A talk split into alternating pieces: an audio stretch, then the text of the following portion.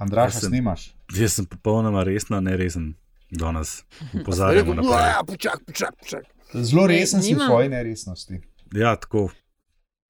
Tako, ker sem. Uh, Ti prav nobene pametne Urejeno neurejenosti. kako, kako začeti, kako nas ogreti. Tako da bom- vas bom kar vprašala, Andiša in Andraš, kaj ti delate, Andraš, ti delaš zihar kakšne delavnice, kdaj pa predavanje in to, Antiša ti pa intervjuje. E, kako poskušate ogreti publiko, sogovornika oziroma sogovornico? Ja, noč, jaz, jaz jim v bistvu hula hupe raz, um, um, razdelim, pa pol te malo telovadimo, po pa, po pa, ko smo pa ugreti, se začnemo pa meniti. Ne, šala. No. ne, ne, ne. Res ne. ne. ne, ne. Jaz sem pa odvisno, zdaj mislim, da imamo ene fajn delavnice, tudi kjer se z Lego kockami igramo, tiste super, Lego Serious Play, tam ne rabiš posebnega ogrevanja. Um, drugače imam pa en komplet avtomobilčkov, pa stezo, pa jo postavimo, pa tekmujemo malo ne 15 minut, um, zbudimo malo otroka v sebi. Aha, ti imaš Wow. to orenk razdeljeno. Wow. Ja, slišal se je zelo resno, ampak ni, zmislil sem si. Ja, Jaz moram zdaj, moram zdaj pripomniti, glede na to, da se to dogaja na metini listi, ne, da je to zelo meta raven, ker nam je Andrej Lukšič, manj znani brat Igora Lukšiča, a, ko nam je razlagal ne, javne nastopanje, je rekel, da najprej začnete s humornim vložkom. Tako da, evo, bravo, fanta. Ta nasvet ne, je en boljših, ampak nažalost ga ne razumejo vsi tako, kot bi ga morali. ne, Ker, No, pa tudi nimajo vsi feeling. no, se jih to sem hotel povedati. Ne. Vedno je boljš začeti čist na suh, kot pa slabo šalo. Ja, ja, jaz to rečem. Pozor, glede humorja. Ne? Če res nisi joker, pol rajšne, To je lahko, lahko taka giljotinca, veš. Tako, eh, Ja. jaz, sem, jaz imam kar nekaj teh nastopov, recimo, za sabo, eh, tudi pred, tudi pred več ljudmi. Ne. In kdaj se mi tudi ni posrečila šala, ne. Brez Mhm. lažne skromnosti, in ti si res bed, zato ker, ker veš, ti šalo in pričakuješ, da bo smeh, in poje tišina. To, Ja, ja. Pa se pa ti naslednjih mi, pet ja. minut poberaš tam na odru, razumeš? Čim, po možnosti čim bolj neopazno. Ne? Pa Mladi- Mladi, bi temu rekli cringe. Ja. pol pa rečeš, recimo, Ampak šalo na stran, pa se pa ljudje vprašajo, kje pa je bila, da Ja, bi jo dajali ja. na stran. Awkward. Ja. Ne, ne, vse, vse se da, sam, sam vaditi treba, to je vsak mu rečem, kam ima tremo. Mislim, trema je itak standard. Ne. Če nimaš treme, pomeni, da ne spoštuješ občinstva. Ne. To vsak mu povem. Ne. E, vaditi moraš, vaditi moraš. Ampak ne. nam štirim bi absolutno ratal, tako da če kdo rab kakšnega moderatorja konference, ne, info av na meeting na lista.si. Nimam večjih težav s tem. Pred nami je časna naloga. Jaz uh, na takem formatu ne morem sodelovati, ker ne vidim v tem popolnoma nobenega smisla. Če bomo s to današnjo razpravo še dolgo časa nadaljevali, se pa zna zgoditi, da bomo ljudi odgnali. Malo me boste zrinili iz mize, gospodje, ampak hvala. Drugače mislečih je tukaj samo ene pari in vemo, kdo so. To je LDGD, podcast, ki nikogar ne podcenjuje in ničesar ne jemlje preveč resno. V imenu svojih najbližjih in v božjem imenu vas pozivam na lov. Ljudje plešajo. A veste, da je že 98. epizoda? To tako ni, ni malo. Wow. Uh, podcast, LDGD, podcast, ki nikogar ne podcenjuje in ničesar ne jemlje preveč resno, še posebej ne politike. Vaši gostitelji pa smo Aljaš Megovitenc, Radio Chaos, Antiša Korjan, Primorske novice, Andraž Zorko Valikon in Nataša Briški, Metina Lista. Dost ambiciozen plan, Aljaš, a ne ponovno. Čeprav se mi Vedno, zdi, ja. da se bomo mogli z, s tem, ko se sezona izteka, mogoče tudi zmeniti, a še ostajamo pri tednu. Čak, čak, čak, kako misliš, sezona se, ni, a, a, kak, sezona se končuje? Kaj, kaj, kaj se tu dogaja? Ja, Jaz vedno sem- imamo pauzo. Ja, jaz sem Pol. glih padel noter. No, Ne zdaj komplicirati, no. Ne zdaj pred stotko, pa začeti maratona tečno.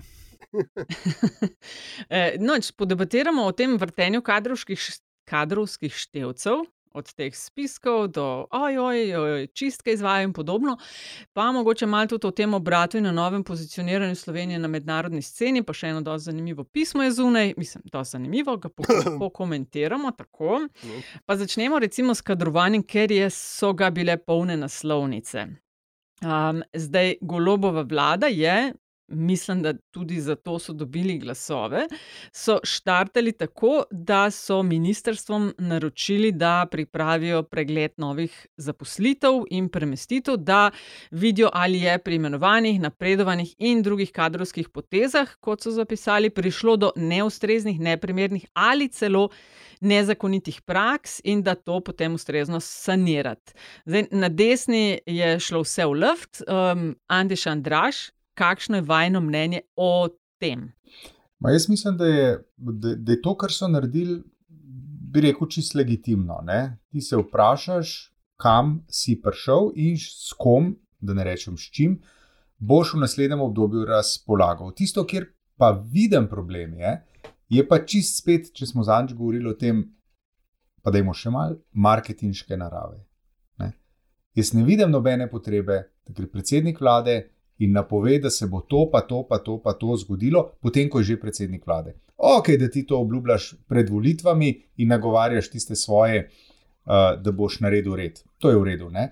Ampak potem pa na eni točki bi pa moral potegniti bremzo in znati predvideti, da se ti to zna odbiti v glavo v enem delu javnosti in točno to se je zgodilo. Uh, um, uh, velika napovedovanja so seveda odmevala v delu javnosti kot napoved revanšizma in to mislim, da ni bilo politično najbolj modro. Da pa ti pogledaš, kaj se je dogajalo. Ne?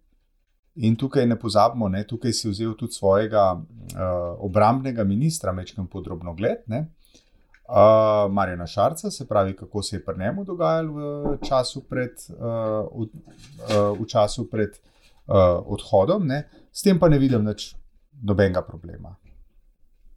Jaz Vidim pa vidim- problem, morda uh, samo še to, ampak do tega verjetno pridemo. Ne. Jaz se že vse čas sprašujem, ali je res direktor NIJZ-ja največji problem te države. Ampak do tega najbrž še pridemo, a ne šefica. Ja, Jaz Andraž. vidim vsem tem, kar je Anteša povedal, samo en velik problem in to je uporaba besede marketinška poteza. Če smo že zanč, dajmo pa še danes, res nasprotujem em, temu načinu zlorabe, da rekel tako, označevanja takih potez, ki lahko jim rečemo, da so ne vem, spin, lahko so PR, ne vem kaj, ampak marketing je veliko več kot to, tako da prosim, Ma dobro. ne, ne nehmo, nehmo, nehmo, tle, ne, ne, nehmo, nehmo, tle, le, nehmo, nehmo. marketingu nič dejati, ker je to zelo pomembna stroka. Ne zato, ker sem tudi jaz del te stroke, ampak je res zelo pomembna stroka v ekonomiji nasploh. tako da. To je tako, veš, tako Antiša tim kar naravnost povedal, ta taka mal gostilniška, tako le Oh. Marija, ja, Drugač pa, Zdaj je Shots obdo- fired, shots fired. Veš kaj, Per, je eh, obdobje rojstnih dnevov v naši familiji, pa pol to se mal. Um, Da si pa, pa, veš, si, Manifestira. si, pa, si pa pri teh izgovorih pa skoraj tako dober, kot jaz, to ti pa priznam. v glavnem, jaz tudi ne vidim nič narobe s tem. Meni se da če ti se odločiš, da boš delal najbolj, zakaj boš zdaj izgubil čas, pa boš enega po enega, pa boš ne vem, čez pol leta ugotovil, da ojoj, ne, tam le imamo pa ene kadre, ki pa že pol leta nasprot nam delujejo. Uh, vse vemo, kako te stvari laufajo. Celo Miro Cerar, ki se v enem delu sicer zgražal na tem, če sem prav razumel, zadnjič v svoji izjavi, je v drugi eh, delu izjave povedal, da, pa, da je pa res, da so imeli pa oni takrat kar velik težav, zaradi kadrov, ki so bili prenastavljeni in so jim, ne vem, kakšni izraz je že uporabo, verjetno kakšno prispodobo s kakšnimi metanji, kakšnih lesenih okroglih izdelkov, kam ne. Uh, tako da jaz to razumem, jaz to razumem. Uh, sporno bi bilo seveda, če bi se to zdaj ne vem kaj objavljalo, ali pa če bi zraven pisali, kateri stranki kdo pripada in tako naprej. Če gre pa pač za preverjanje tega, ali so sploh ustrezali pogojem, ali so strokovno, uh, na, ali so strokovnjaki na pravih mestih za, za področja, ki jih pokrivajo, pa pa lej, zakaj pa ne. ne. Vprašanje je bolj, kaj bo iz tega nastalo. Ne? To je, Je Andraž, pa- samo če se umešam. Je, ja. Če potegnem analogijo, zihar bo neposrečena, boš rekel. Ne? Ampak to je tako kot približen, preden firmo kupaš, narediš uh, skrbni Due pregled. diligence. Ja. Due diligence, evo. Ja, a sem, due prav- a sem, diligence, ja. povej, a sem prav Ja, uporabil. to, to pa prav uporabljajo. E, Le, to so Stvarno majsterske taktike. To- Sam skrbni si pregled bi vključeval še bistveno več stvari, ne samo No, to, vem, kje je zaposlen. ne. Neka analogija, no tako. Ja, ampak veš kaj, drugač pa največji nesmisel v tej kritiki te poteze se je pa v bistvu pokazal ravno včeraj, ker smo videli, kam pa prepele nestrokovno kadrovanje. Eh, Ne bom preveč povedal, ker si šparam za bizarko, ampak včerajšnji primer, mislim, da vsi vemo, o čem govorimo. je zelo jasno pokazal, kaj se zgodi, če imaš nepravi ljudi, ne strokovnjake, oziroma napačne strokovnjake na napačnih pozicijah. In če je bil to samo en primer, vprašanje, koliko jih je še, tako da z tega vidika pa je ta poteza še toliko bolj upravičena in na nek način tudi pričakovana, glede na to, kaj je Golo pred volitvom govoril, eh, da kako in kaj bo on počel. Govorimo o narodno-muzejskem carju. Absolutno. No, jaz bi tukaj pridodal samo dve, tri opombe. Glede marketing, uporabe termina marketing, ne, jaz se tukaj strinjam z dražem in bom zdaj tvegel jezo oftalmološkega lobija in predlagal uporabo izraza optika. Ne. Skratka, gre za optiko, um, ki se zgodi pač pri teh menjavah, kot jih je uh, opisal Antiša. Direktor NIJZ, seveda, je problem. V bistvu, v resnici je, kot je pokazalo zadnje dve leti, eden ključnih problemov vsakršnega um, menžiriranja epidemije ali pa druge zdravstvene krize. Uh, in že mimo tega, kako je pač uh, uh, Krek prišel do te pozicije, tudi potem, kako se je na tej poziciji obnašal. In če, ne, bojim se, da res bomo gledali še en val uh, COVID-a jeseni, potem bo seveda zelo pomembno, kdo je že zdaj uh, na čelu, na čelu NJZ. -ja. Zdaj pa, zdaj pa ne, preden dam um, prostor za replike. Uh, samim menjavanjem ljudi, kot sta predgovornika, ustrezno uh, podvukla na kraju svojega izlaganja, ni kaj zelo veliko narobe, kot je tudi Nataša rekla. Golob in njegova vlada imata dejansko mandat, zato sta bila izvoljena tudi. Ne. Je pa problem, po mojem, Uh, mogoče na to treba biti bolj pozoren, kot mora biti smo ti dni, s kom se te ljudi menja. Uh, ker se tukaj um, dva faktorja zdaj hkrati uh, prehajata po tem, kar sem jaz um, poslušal zadnje dni uh, do izraza. Po eni strani, da uh, se pač iz, iz podpodja prihajajo spet razno razni čudni liki, ki izkoriščajo medvladje za to, da se pozicionirajo bolje, kot so bili pozicionirani prej. In pa dejstvo, da je ta prostor, ki ga je treba zdaj napolniti z, rečem, kadrovskimi vsebinami, tako velik, da um, stranke nove koalicije nimajo preverjenega kadra. Delno smo to videli že pri poslancih, ne, ko se je začel z velikimi obljubami, obljubami o preverjanju, pa dva, dve priporočili, pa ne vem, kva vse. Na koncu je bilo tako, malo smo tudi praskali pod nosom, da če je bilo treba. In to isto se jim zdaj dogaja, ko je treba zapolniti lastne kadre na ministrstvih. Vem vsaj za dve ministrstvi, ki recimo so celo um, PR-ovci. Problem, ker pač ni čaršija, čaršija. preverjenih kadrov. Ne?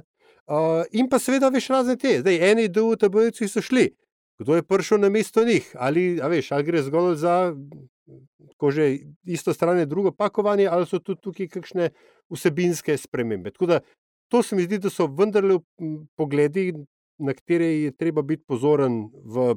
Pri vseh teh hitrih menjavah, ki pa, ne, kot rečeno, uh, mislim, da z njimi načeloma ni, ni nič narobe, ta hip, ne samo, da so legitimne, so glede na dve leti Janša vlade v veliki, v veliki meri uh, nujne. Ko si ja, omenil Kreka, če smem, Nataša, še dve ja, stvari. Pozorno, ko je opazilo, ne, da so dva ali tri dni nazaj na dopisni seji sprejeli nek sklep, ki jim zdaj omogoča menjavo Kreka tako na hitro. Uh -huh. uh, da pa se mora Krek zamenjati, pa niso razlogi samo zato, ker se je vlada zamenjala, ampak uh, začenši z njegovo izjavo 90 tisoč mrtvih. Mislim, da je uh -huh. tega prosim zamenjati, preden bo res 90 tisoč mrtvih. Ne zaradi COVID-a, ampak zato, ker je ta človek na tem mestu. Ja, zelo sofisticirano uporabljate pa besede optika, pa marketing. Po ZKP so to čist preprosti majsterski posli. Vsak nov, ki pride, reče: Ja, kdo vam je pa to delo? Majsterski posli. Tam je všeč. Ja. Omenil si Antiša Kreka, ne? jaz isto mislim. Največjega lama je okrog njega, pri čemer naj bi par dni nazaj svojim že naročil, naj pravno pogledajo in, in napovedoval odhod. Ne? Njega, ne da bi mogli že zamenjati, ker ga je Janševa vlada imenovala, ampak je bil pofol strategijo boja proti COVID-u, da da o bedarijah, Andraš je eno že omenil, ki jih je govoril v medijih, niti ne govorim. Ja, se spomnite, ne, sam- tiste, ne. če veste, da je nekaj nezakonito, uh, pol tega ne morete snemati. Tako, ne, da bi mogel iti A bi celo- a bi korakom, celo- bi a mogel celo, spokati. eh, Zmagovalce ne bizarke, če se to Ja. ja. bil, ja. če se ne O, motim. ja. ne. Tako Ne, ne, trčečim tisto, kar sem korakom, jaz- če pa drži tisto, tisto, sorry, sam še to, če drži tisto o plačevanju kolumen, v katerih je obračunaval s svojimi, ne, tako, pred sodišče bi mogel iti. Tisto, kar sem hotel povedati, je to, da uh, v tem trenutku, ko imamo približno nula okuženih na dan, to sem jaz hotel povedati. Ne? Hkrati pa, hkrati pa imamo več, uh, vse večji problem uh, s prehrano, z energenti in tako naprej. Mogoče je kakšna, kakšna tema, ki je v tem trenutku pomembnejša, tudi daljnoročno, ne? do jeseni pa že pol porihtaš na IZ, ne? ker priznajmo si, ne? Do pred dvemi leti, praviloma, do pred dvema letoma, se upravičujem, res sem en marketingar.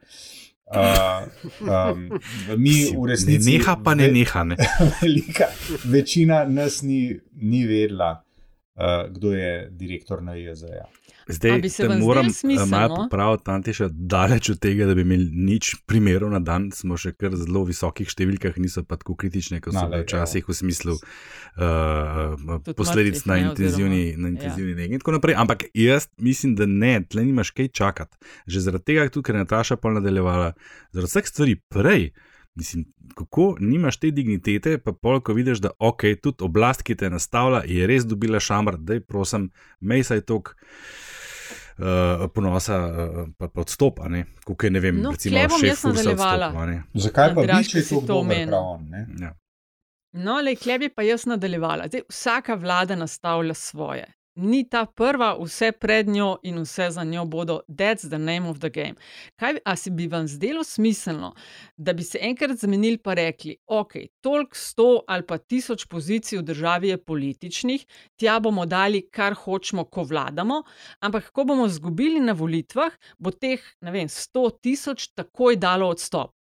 Recimo tako v ZDA je, se ve, koliko je eh, pozicij političnih. To smo govorili ne. recimo ambasadori, pač takoj odstop. Ker zdaj na desni, a veš, vse se pa bongamo, lejte čistke, pa lejte kadrujejo. Ja, kar vsi Nataša, pred sej- njimi, sej- vključno z njimi. Ampak sej prvi del tega tvojega, uh, tvojega stavka, rekel, v katerem si opisala ta ideal, morda idealni pristop, vse to je bilo narejeno. Ne? Mi smo rekli, tok in tok ljudi pride na zaupanje. Problem nastane po tisti tvoji vejci in ko, ne? Ko pride do spremembe na oblasti. Ja. Kaj se zgodi? Ko se, ko, ko se tik pred volitvami se začne te ljudi prekvalificirati v redno zaposlene ljudi. Tukaj nastane je. problem. Ne? In tukaj zdaj se mi izkažemo, a ne spet kot tako družba enih teh mehkih švercerčkov. Ne, ki, ja, seveda, ne, ki potem poskrbijo, da nategnejo državo in cel, ne, bi rekel, cel svet, uh, in pač svoje ljudi malo porinejo na varna mesteca. To, Ja, To je tukaj nastane problem. Jaz, jaz mislim, da ni noben problem, da imaš ti tok 100, tok 1000, dobro, zdaj tok 1000, nisem prepričan, Ja, da ja, jih to pač ne. tako. Ampak tok Ja. 10 ali pa tok, zaradi mene tudi 150 ljudi, ki pridejo noter s prvim dnem ministra in zadnjim dnem ministra grejo.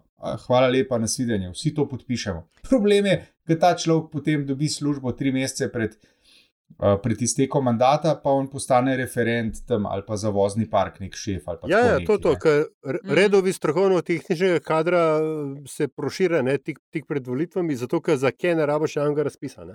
Ah. Mislim, ker, a veš, meni je vedno tisto presojali bomo po strokovnem kriteriju. Ja, veš, da ne, mislim, tako kot vsi pred tabo, pa kot vsi za tabo. Nataša, definirala si problem ne, v osnovi, oziroma skupaj z Antišostega. Do te točke, če se mi vsi strinjamo, da vsaka ekipa prenese ne vem, toliko in toliko ljudi sabo in da ti ljudje gredo uh, skupaj z ekipo stran, hej, no problem. Ne, in eh, cilj, v bistvu, to bi bilo idealna situacija, ker kot je Jan- Antiša ene dve epizodi nazaj rekel, uh, d, dr, civilni, zapravo državni aparat.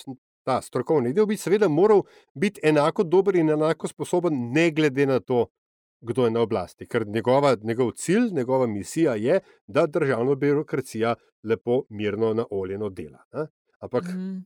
problem je seveda v tem, ker se, ker se ta isti aparat, ki je po mojih izkušnjah a, v, v jedru dober in sposoben. a, Če Se, kaj rečeš po tvojih izkušnjah. glej, jaz v vseh mojih uh, um, interakcijo z birokracijo. Gledal sem recimo eno, z davčno. Ja, z birokracijo sem. Ja, veš, ampak z ljudmi, ki so, servisi, okay. ki so servis nam državljanom. Ne? Jaz sem mislil, nimam... da si že kdaj kakšen skrivni sodelavec bil udbe, pa to, pa da ne vemo. Ma ne, gled, ja, seveda, veš da. Gled, tudi enkrat sem nekaj stvar, gled, za Luksemburg sem eno stvar rabo, eno, eno tolmačenje ministrstva, stvar, ki je šla relativno visoko po lestvici, ena državna podsekretarka, mi je pol odgovorila, tako v treh dneh, razumeš, cak, cak, cak, cak. Vse se da, sploh če si vljuden in prijazen ne, in nimaš tega pripadami um, um, refleksa. Ampak vsta aparat, ki je profesionalen, se vsako rundo posebej, to, kar je Antiš, kar je Antiš lepo opisal, obteži z nekim balastom, ki tam v resnici nima kaj početi in je njegova funkcija, kot je enkrat že na tem mestu citiran Aleksandr Hropot zapisal, je njegova funkcija v tem, da kontrolira unta drug balast, ki je ostal od prejšnje runde. In tako sto puta. Skratka, odgovor je, tega se ne da rešiti. Se da, se da. Se da. No, kako bi ti to rešil? Uh, tako da se, da se um, v glavah ljudi v prvi vrsti, ampak to je malo težje. Ne? Na nek način se mora prepovedati trans, transfer iz zaposlitve na zaupanje v redno zaposlitev. Zelo preprosto. Vse vem, ne, vse vem, vse vem, si... vse, vse vemo. Ne? Na tej ravni znamo vsi rešitve ponuditi, ne? operacionalizacija je problem. Ampak jaz si mislim, da je pač treba to doseči zato da bomo imeli malce manj obteženo uh, javno pravo, ne, oziroma javni sektor. Mm. Pa malo več mm. denarja mm. za mlade zdravnike. pa domove za starejše in karkoli ja, že, ne, šole. Predvsem pa, in tukaj se pa moram pridružiti uh, Pengovskemu. Ne, ne, uh, smrti v družini, rojeni otroki, menjave stalnih bivališč, uh, vse to sem dal skozi. Jaz nimam mm -hmm. ene slabe izkušnje s tem, birokratskim aparatom um, uh, v Sloveniji. Res ne. No, to se je enako, se je reklo tudi za ekipo. Uh, pa sem tudi sama imela nekaj izkušenj z ekipo, ki je vodila pa delala v ozadju, ko smo predsedovali svetu Evrope. Je že bila ena galama z SDS in vlada, ampak v ozadju so pa bili, je bilo nebroj ljudi, ki so pa skrbeli, da so stvari tekle in da, da so bile tudi pohvale, ki jih je bila deležna Slovenija, pravzaprav njim namenjene. Um, ena stvar me pa skrbi pri tem, kar se je zelo pokazala in prišla na odprto pri tej debati o kadrovanjih. Ne? Retorika, ki se ob tem podžiga in ki se vrti v javnem prostoru. In ta je takšna, da raz, razdvaja, se z nami za odstrel, politične čistke, po nas prihajajo. Kako mislite, da bi se to dal, dal prekiniti? Zaradi tega, ker to se mi zdi, da nas, ko poskušaš z ljudmi klepetati, oddaljuje. Ali pa imam jaz čist me preveč na zalogo skrbi. Ker SDS, ok, rabi to za pumpanje, ne vem, svoje baze, pa jokcanje glede domnevnih krivic in podobno, ampak, a veš, to ne pomaga stvari reševati. Veste kaj, jaz mislim, da je, če sprašuješ po rešitvi, bom ponudil še eno. Dober marketing se gre. Ja, ja. Um, ne, resno mislim. Ne. Jaz mislim, da bi ta desno-sredinski del slovenskega političnega prostora moral končno izstopiti iz samopercipirane vloge žrtve. Ta uh, samopercepcija, kot si rekla, prihajajo po nas, ne pustijo nam objavljati, Eh, nimamo dostopa do medijev. Eh, človek z drugačnim mnenjem na nacionalni televiziji ni dobrodošel, in tako naprej. Ne? V zadju vse te retorike je v bistvu um, samo percepcija, mi smo žrtve. In jaz mislim, da je preprosto, um, bi bil že čas, da se neha na to, na to karto igrati in se sebe začne gledati kot temeljni in konstitutivni del Eh, do, dogajanja v družbi.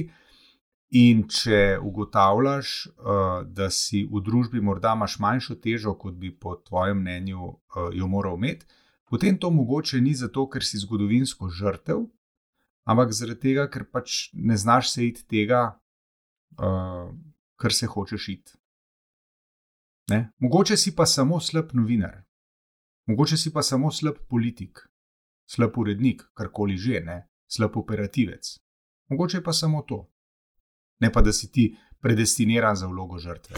Hočeš reči, da v bistvu ta desnica, v narekovaji slovenska, iz tiste prvotne, ne domnevne, ampak kar dejansko žrtve, da govorimo o neraščiščenih zadevah po koncu druge svetovne vojne, ki jih nikoli niso uh, odprli in razčistili po, po osamosovitvi, da so se potem začeli k njim zatekati, ker tistih res ni bilo, mislim, tako velik, um, zatekati k njim pa še vsi nesposobneži, ki so bili zavrnjeni zaradi nesposobnosti tako kot si zdaj omenil, ne, na različnih pozicijah, in so se pač tam našli, in da je to s časom postavljeno za točišče vseh, ki so na eni strani res uh, čutili in občutijo še vedno krivico in neizrečeno opravičilo, in tako naprej, in vseh tistih, ki so pa preprosto domače če nesposobni in zaradi tega ne pridejo do glasu, Ma, in so se najdeli tam, kjer so se skaj požaljeni. Jaz ne bi generaliziral, pa rekel, da so se sami nesposobneži pod ta dežnik zatekli. Ne. Ne, se nisem um, tega rekel, ampak da se zatekajo tja tudi taki, ker si jih tako lepo opisal. Se, prej, seveda, ampak ne, mi se moramo vprašati, nekdo, ki je bil rojen leta 75, 80, 85, kakšna in čigava žrtva je bil on.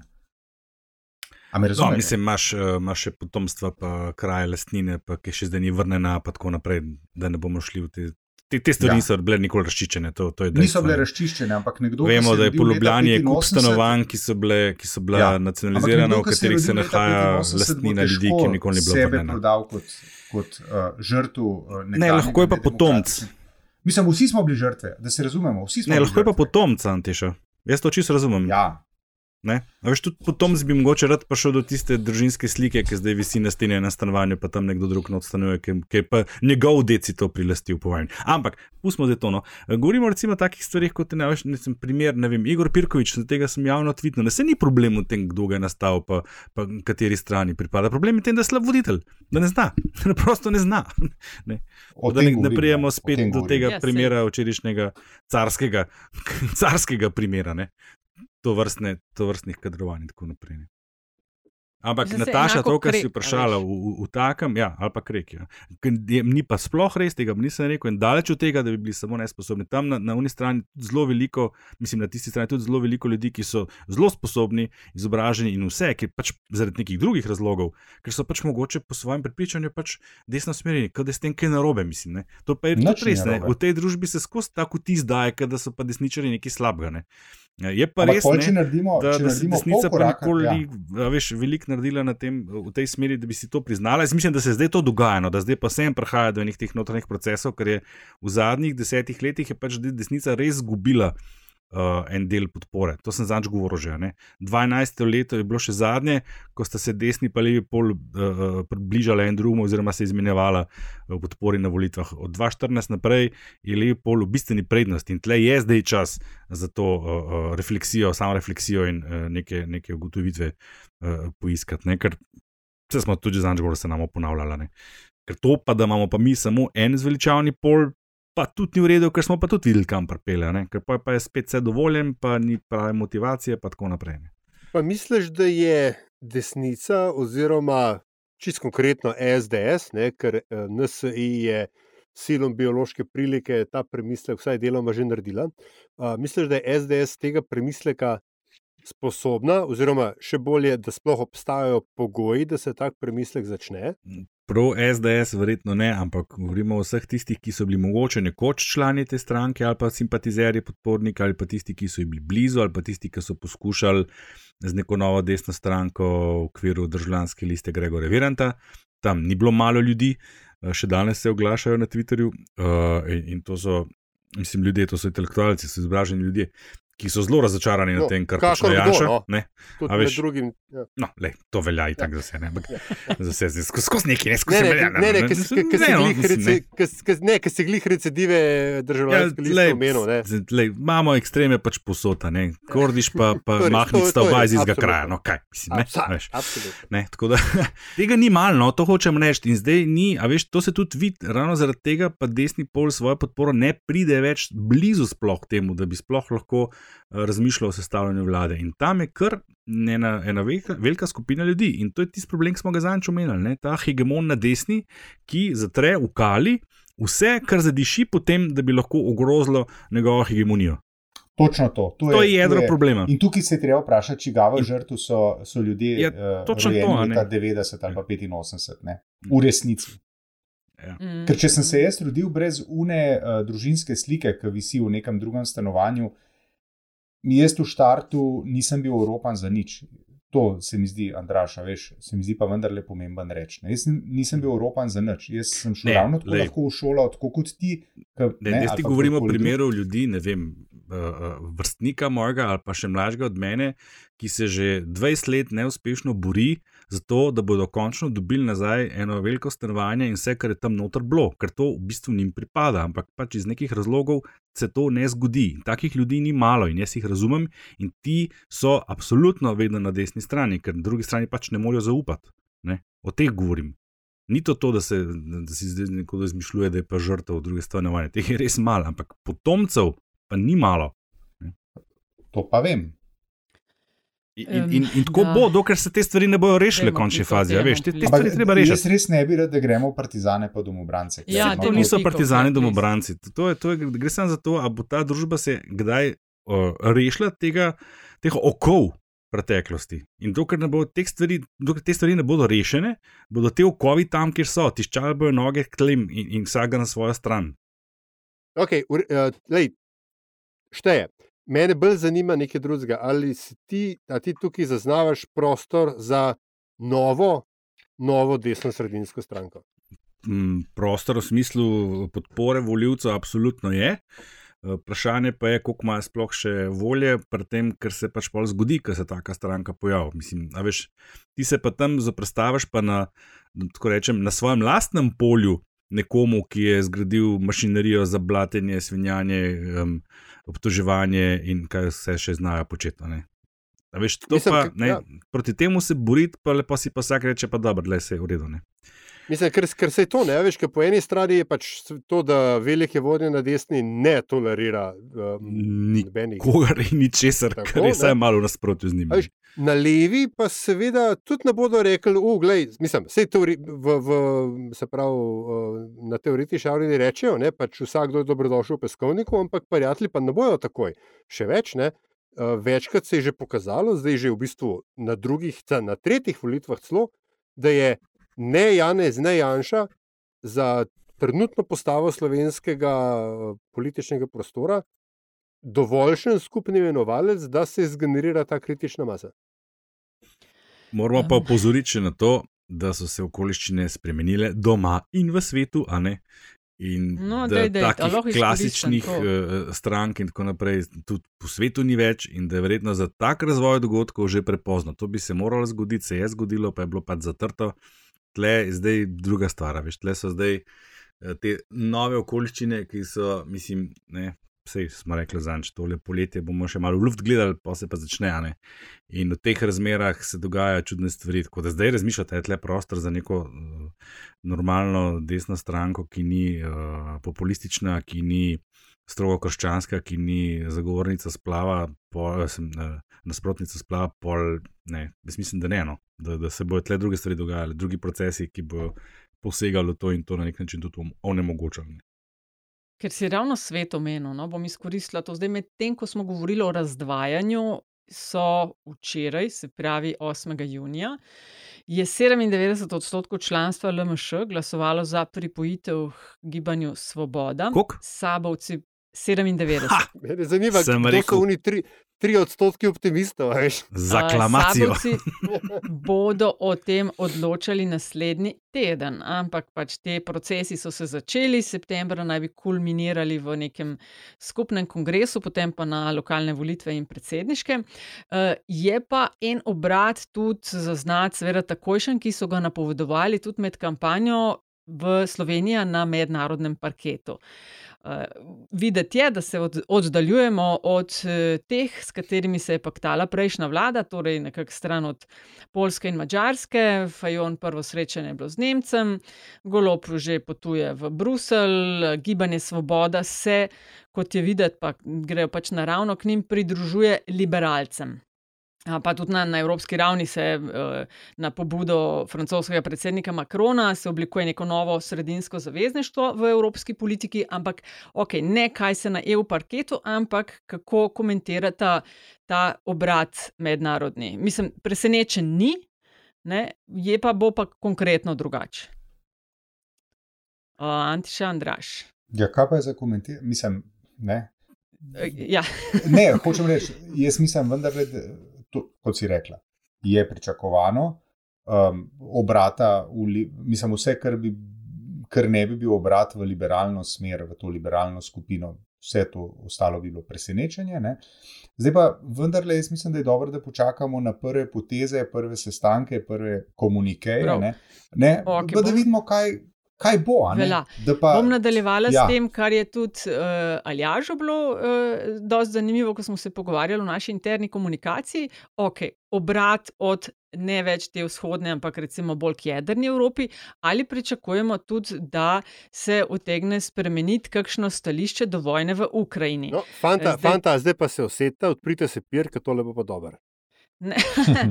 No, ne vem, če ste zasledili pismo, kaj 20 ali až ti si bolj natančno ja, to prebral. Je, ja. Čeprav še ne vem, kdo, no. kdo je ta 20-terica, ampak ja, 20. Ja. Ja, kar izvoli. Sej, pač, uh, pisali so, da bi uh, pozivajo aktualno vlado k bolj, če sem prav ujela, razumnemu stališču do Ukrajine. Obsojajo. Tako, ki, če Ruski, ne, če, če ne zdaj povzamem novico STA in lidi iz te novice, ne, uresničevanju zaveze iz koalicijske pogodbe, da bo vlada izhajala iz ustavnega načela mirovne politike in kulture miru ter ne nasilja. Bolj se pa začne. Tako da, Nataša, Lej. Ja, ne, izvolite, kakšno mnenje. Mislim, uh, mečkan, če bi to želela komentirati, drugače pa mi to zalažem. No, kar da je to, jaz mislim, vse, kar se meni tiče, izvolite. Štefica. Antiša, kar. Kaj pa se sem povedal? A tudi nič. Um, mislim, a si opazil, Antiša, kaj ste izvedla? Ti si opazil, kaj ste izvedla? Ja. Tole sta navrgla, ne. Ne? prej sta se vse zmenila, v četu se je lobby tudi mi dva, ki je pripravljena. Ne govorim pol tega. No. In pol zdaj, a boste kaj povedala? Ali, ali če lahko mi dva, ne? Deva mi dva. No. ok, no pa bom jaz, ajde, no, nekaj maga vrgla v debato.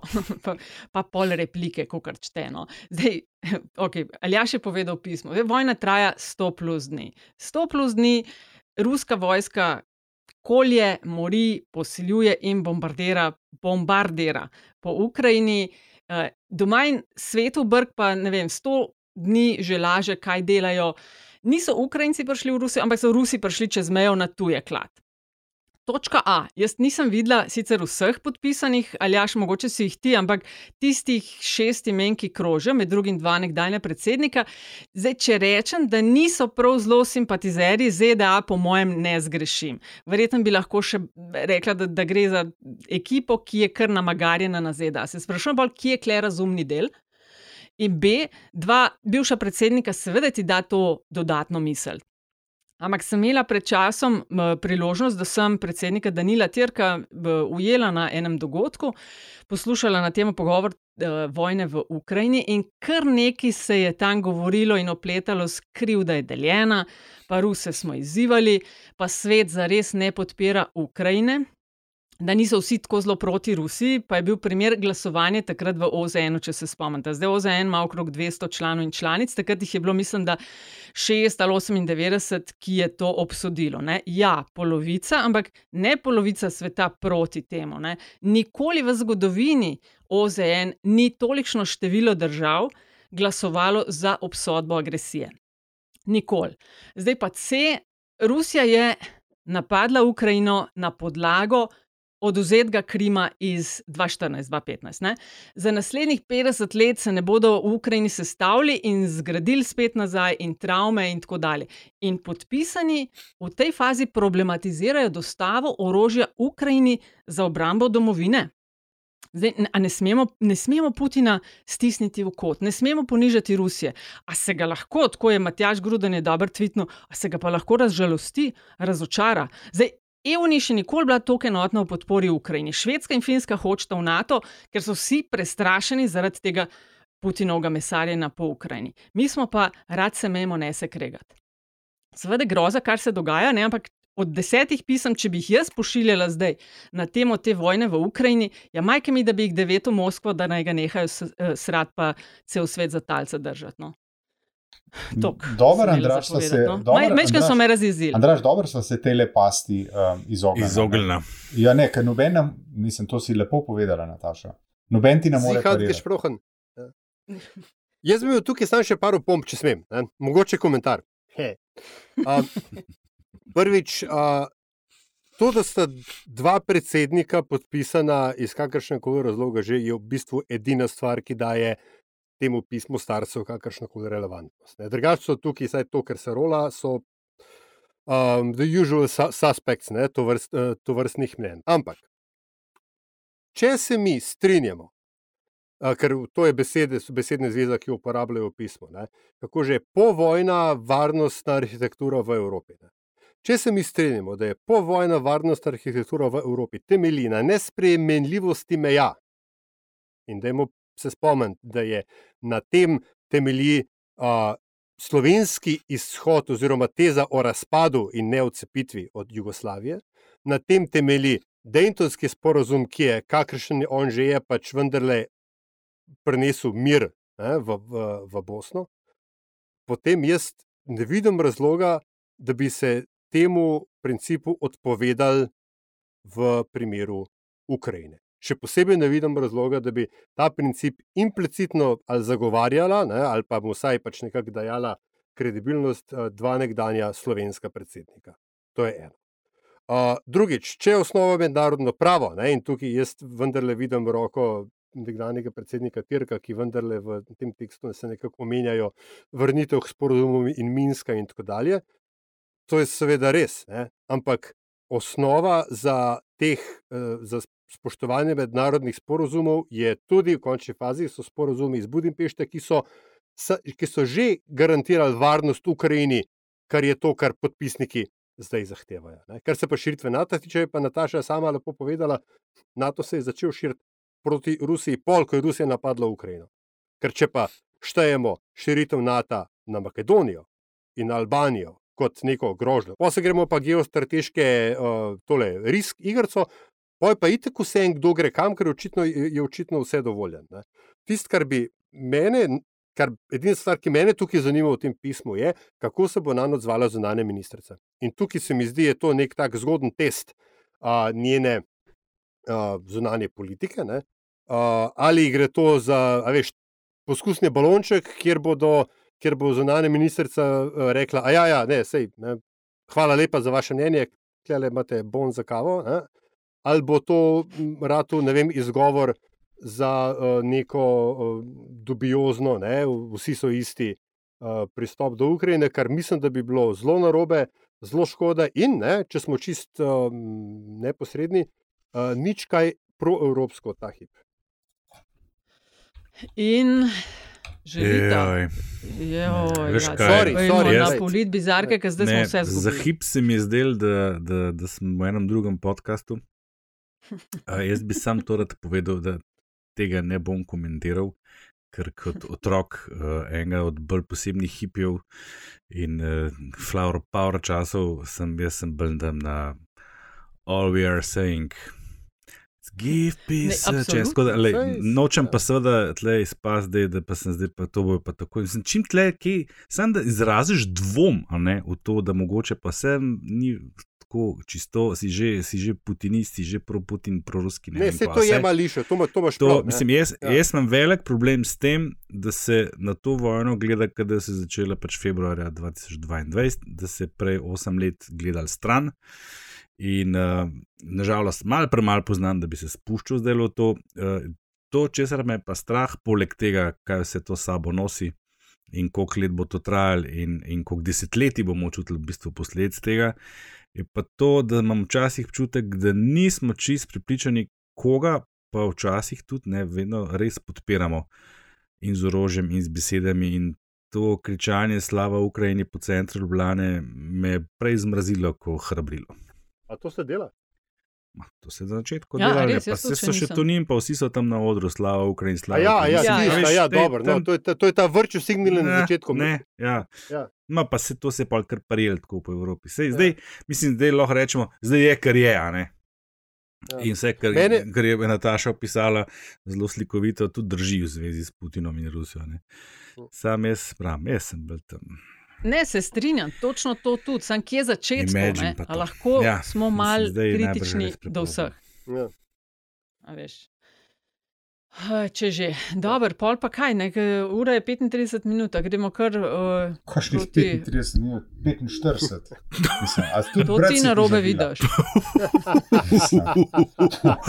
Ta, to je pa tako po butenskalovsko. Je, ne, Ja. Ti tradiciji. narobe tako, tečete. tako, po marketinško iz gostilne, ne, Andraž.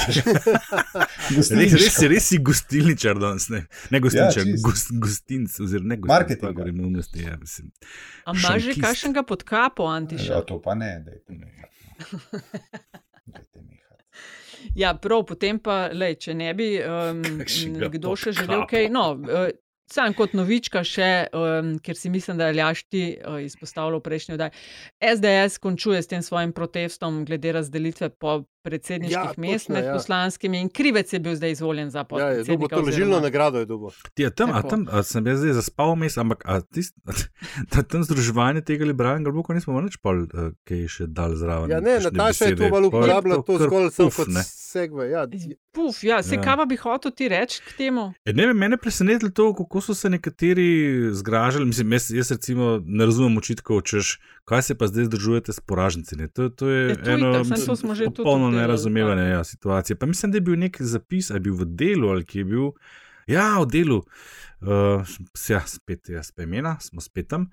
Uh, ne dolgo nazaj, mm, se, se je tudi krožil malo okrog, uh, neka analiza politična, češ, da to sploh ni res, da se združujejo zaradi uh, tega, ker imajo mrežo, ker imajo ljudi, ne vem kaj, tako skuša zanikati uh, Pač te pa. argumente. Uh, ne vem, kaj je že pisal pa naprej. Ne, ampak to se mi je zdelo tako, uh, tako ne, ker je bilo tako eklatantno zgrešen, mislim, a veš, to, mislim, tako, pač- to pač ni resno. Kjerkoli stranka danes ima več kadra, pa mreže, kot ima gibanje Svoboda. Ne. A Veš, ne, tako da sej niso to zdaj neke ne vem, stranke ali SD ne, ali pa SDS, ampak vendarle ne pozabljajo, da je SAP tam, uh, ko, kako že se reče, temu anektirala.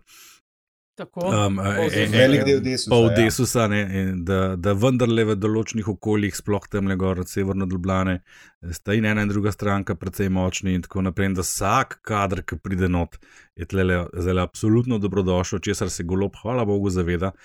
Uh, pa ne na zadnje, ne. Te stranke so res, to, to je isti bazen voljivcev. ne. Vse, vse smo pokazali, razložili, eh, matematično dokazali, če šte, da, da so dejansko to isti voljivci. Eni in isti. In jaz ja. mislim, da voljivci LMŠ pa sama nimajo nobenih težav s tem, niti obratno. Ne. Lej, 97 odstotkov. Kdo so te tri odstotke, to me res zanima. Te tri, te tri odstotke Ne, pa- pa- pa- Ki se razumeš? ja, Zihar je bil med njimi, je bil Zihar Jani Mederdorfer. Kdo To, jaz Pa mislim, da je on izrazito bil proti. LMŠ pa še to, Andraš, kar smo Aljaš, predstavljali v eni je od pa prejšnjih epizod. pa zaključiš stavek sam pri, kdo so ti trije. Ja, ja. Mata pa, Ja, to sem eh, sam hotela še dodatno. mhm. Pri LMŠ smo tudi v eni od prejšnjih epizod ugotavljali, uh, njihova poslanska skupina je bila dobra. Naredili so se na se koncu, ne? naredili. Ja, ja, Naredili so ja, se ja, na koncu. ja. Ja. Tako da veš, zakaj bi to, To zdaj so zavrgel nekje, so sorry, tako in tako isti na političnem Ja. ja. nivoju, mislim, ideološko vrednost. In dvoje volitev, volitev so še pred nami, a ne? To ni za Tako. ne martne. Ja. Pa še, pa še en um, izziv, haha, marketinške narave, uh, gre mimo. Ne? Namreč um, obe stranki sta bili, če smem tako reči, talki lastnega imena. Ne? Eh, Tudi to. Lista Marjana Šarca, mislim. Enkrat se je hecu, sva se pogovarjala tam, ali mogoče smo bili vsi trije, se, se ne spomnim. Pa je rekel, lista miselne širine, da se lahko to v hecu. Ne? In seveda stranka Alenka Bratušek, eh, Alenke Bratušek, zdaj kako už to preimenoval, da ime ostane, ne, kratica ostane. Ki je umakneš- vmes že ni bila Eh. več stranka Lenka Bratošek, pa so jo nazaj preimenovali, Ja. ker so ugotovili, da je to njihov najboljši selling point. Ker so, ne, veš, kaj je bilo, izpadli so iz anket. To se jim je zgodilo. Ker so bili zavezni, so, kaj so bili že socialno-liberalno Zavez, zavezništvo, zavezništvo so bili. Ja, ja, pač, ne, zavezništvo. Pač, Ja. ja.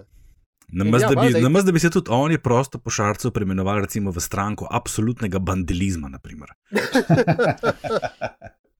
res, kje pa je zdaj? A, mislim, me zanima funkcija Marka Bandelija v novim. V no, Na novem lokalne bo zihar šel za župana, kam Kaj, mogoče. komna, ali kaj, spet.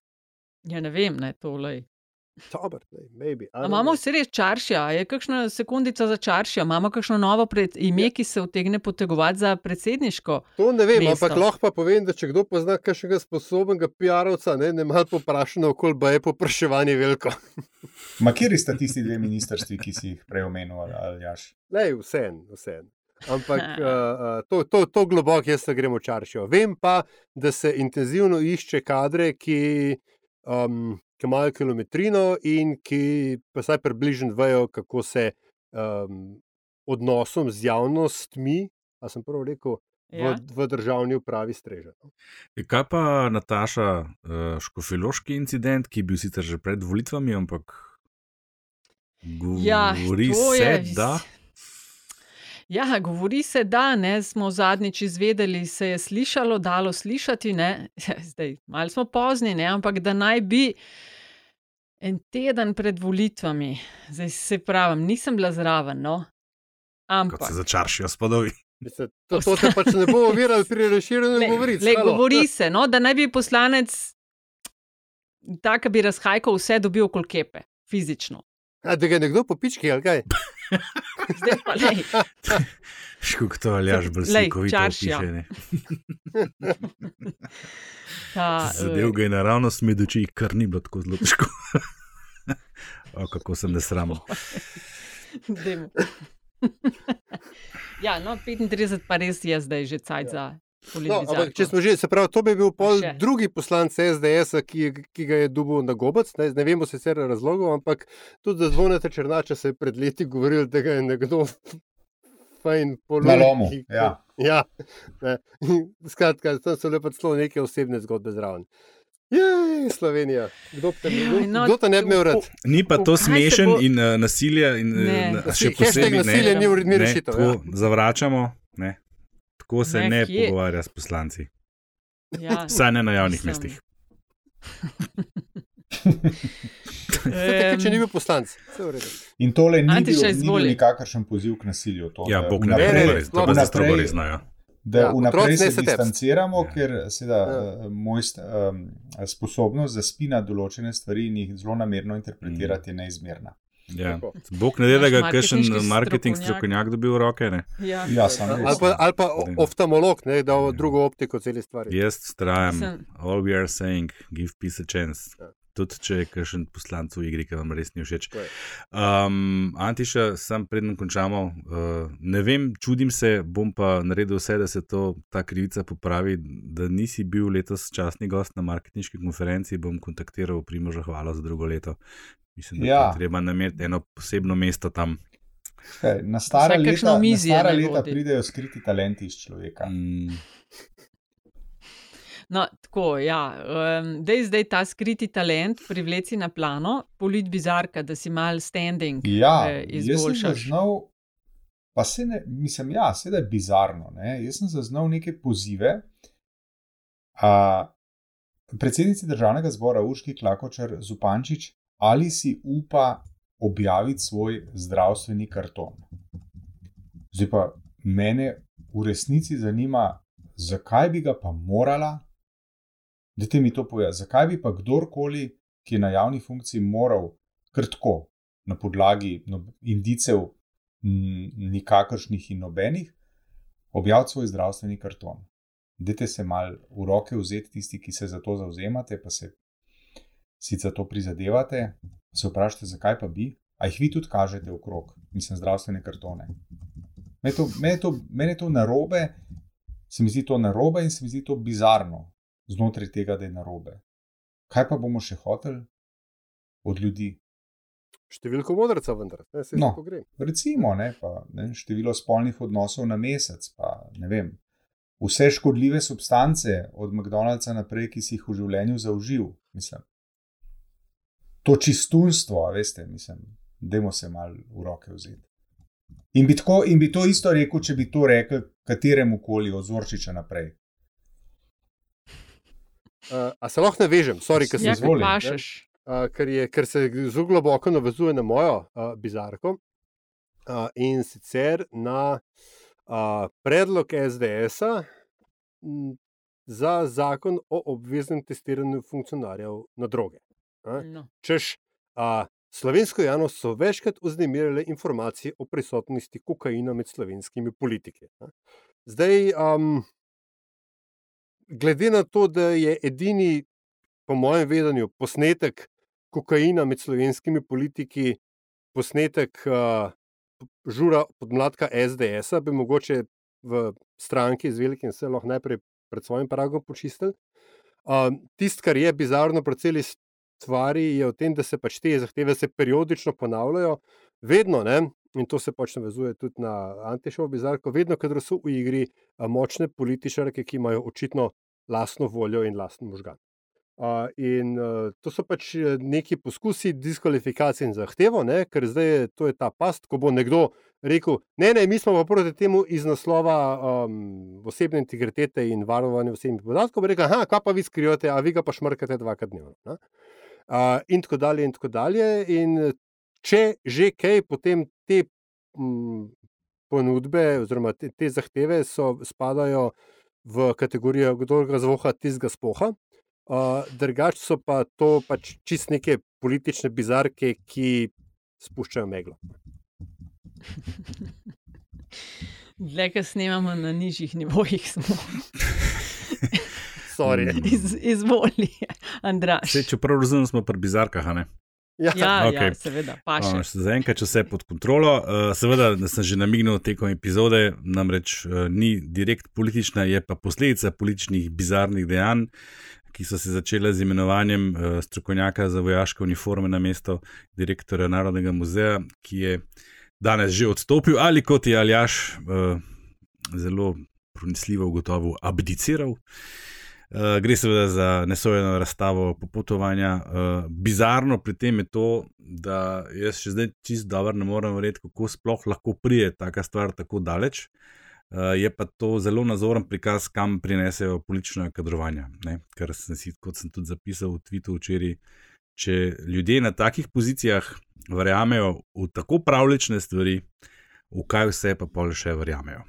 Alright, no, moja politbizarka je pa uh, gospod Jani Medrendorfer, ki je m, prav sinoči z glasovanjem LMŠ-ja in spojitvijo z gibanjem Svoboda pravkar vknjižil sedmo stranko. Uh, zdaj, resnici na ljubo je on vse čas svojega delovanja ostaja na istem, se v bistvu samo stranke okrog njega menjajo. Uh, zdaj, zadnja leta smo v bistvu v živo gledali metamorfozo članstva nekaterih strank, ki so nastale na enih temeljih, pa je potem veter zapihal drugače in so en dan eno, drug dan drugo. No, Medrendorfer ni te kategorije. Ampak števc njegovih strank je pa vsem kar uh, zanimiv, od LDS-a do liste Zorana Jankoviča, potem Pozitivna Slovenija, Zavezništvo Alenke Bratušek, stranka Modernega centra, potem je prestopil v listo Marjena Šarca, zdaj pa je gibanje Svoboda. Tako da Medrendorferjevih sedem je pa moja politbizarka. Jani in sedem palčkov. Um, pa smo pri zadnjih 30, se pravi, to je rubrika, s katero zaključujemo LDGD in ima vsak 30 sekund, da pove, kar pač želi.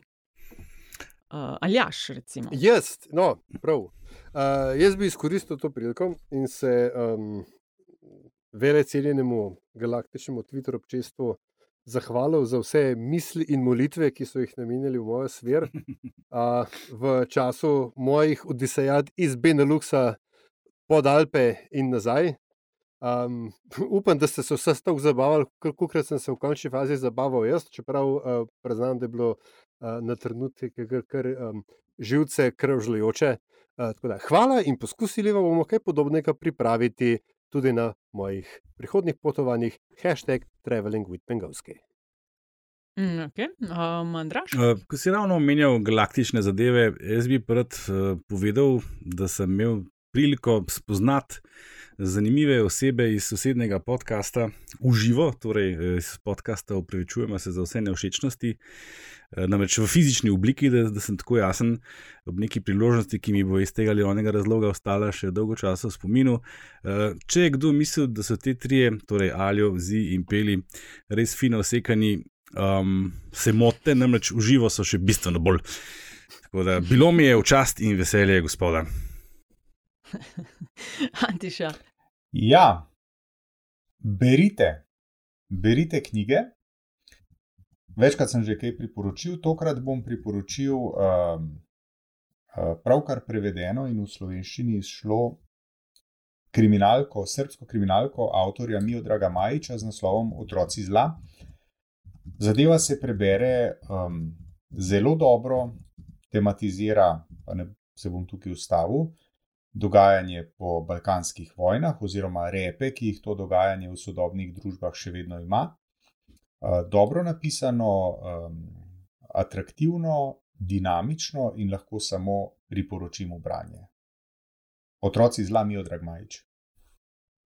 Mojih zadnjih 30 je pa poklon valu 202, ki te dni praznuje Abrahama, radijska postaja, ki že desetletja in v različnih oblikah postavlja standarde, visoke standarde v naši industriji. Zdaj, val 202 je bil in je in ostaja sila dobrega, Veliko boste in ste že tedni slišali o njih. Eh, sama pa vam v bistvu toplo priporočam v poslušanje 233. epizodo Metinega čaja, v katerem naj vzaljažem na voditeljskem mestu zamenja Mirja Možgan, diplomatka, soustanoviteljica Metine liste in nekdanja valovka. Pred mikrofon je namreč povabila legendarno urednico, danes upokojeno Mijo Škrabec Arbanas, pa nič manj eh, legendarnega glasbenega urednika in voditelja Andreja Karolija in aktualnega odgovornega urednika Val 202, izvrstnega kolega Nejca Jemca, da poklepetajo o valu, o nagri, o ekipi, ki je eh, program ustvarja, o dajah in tako dalje.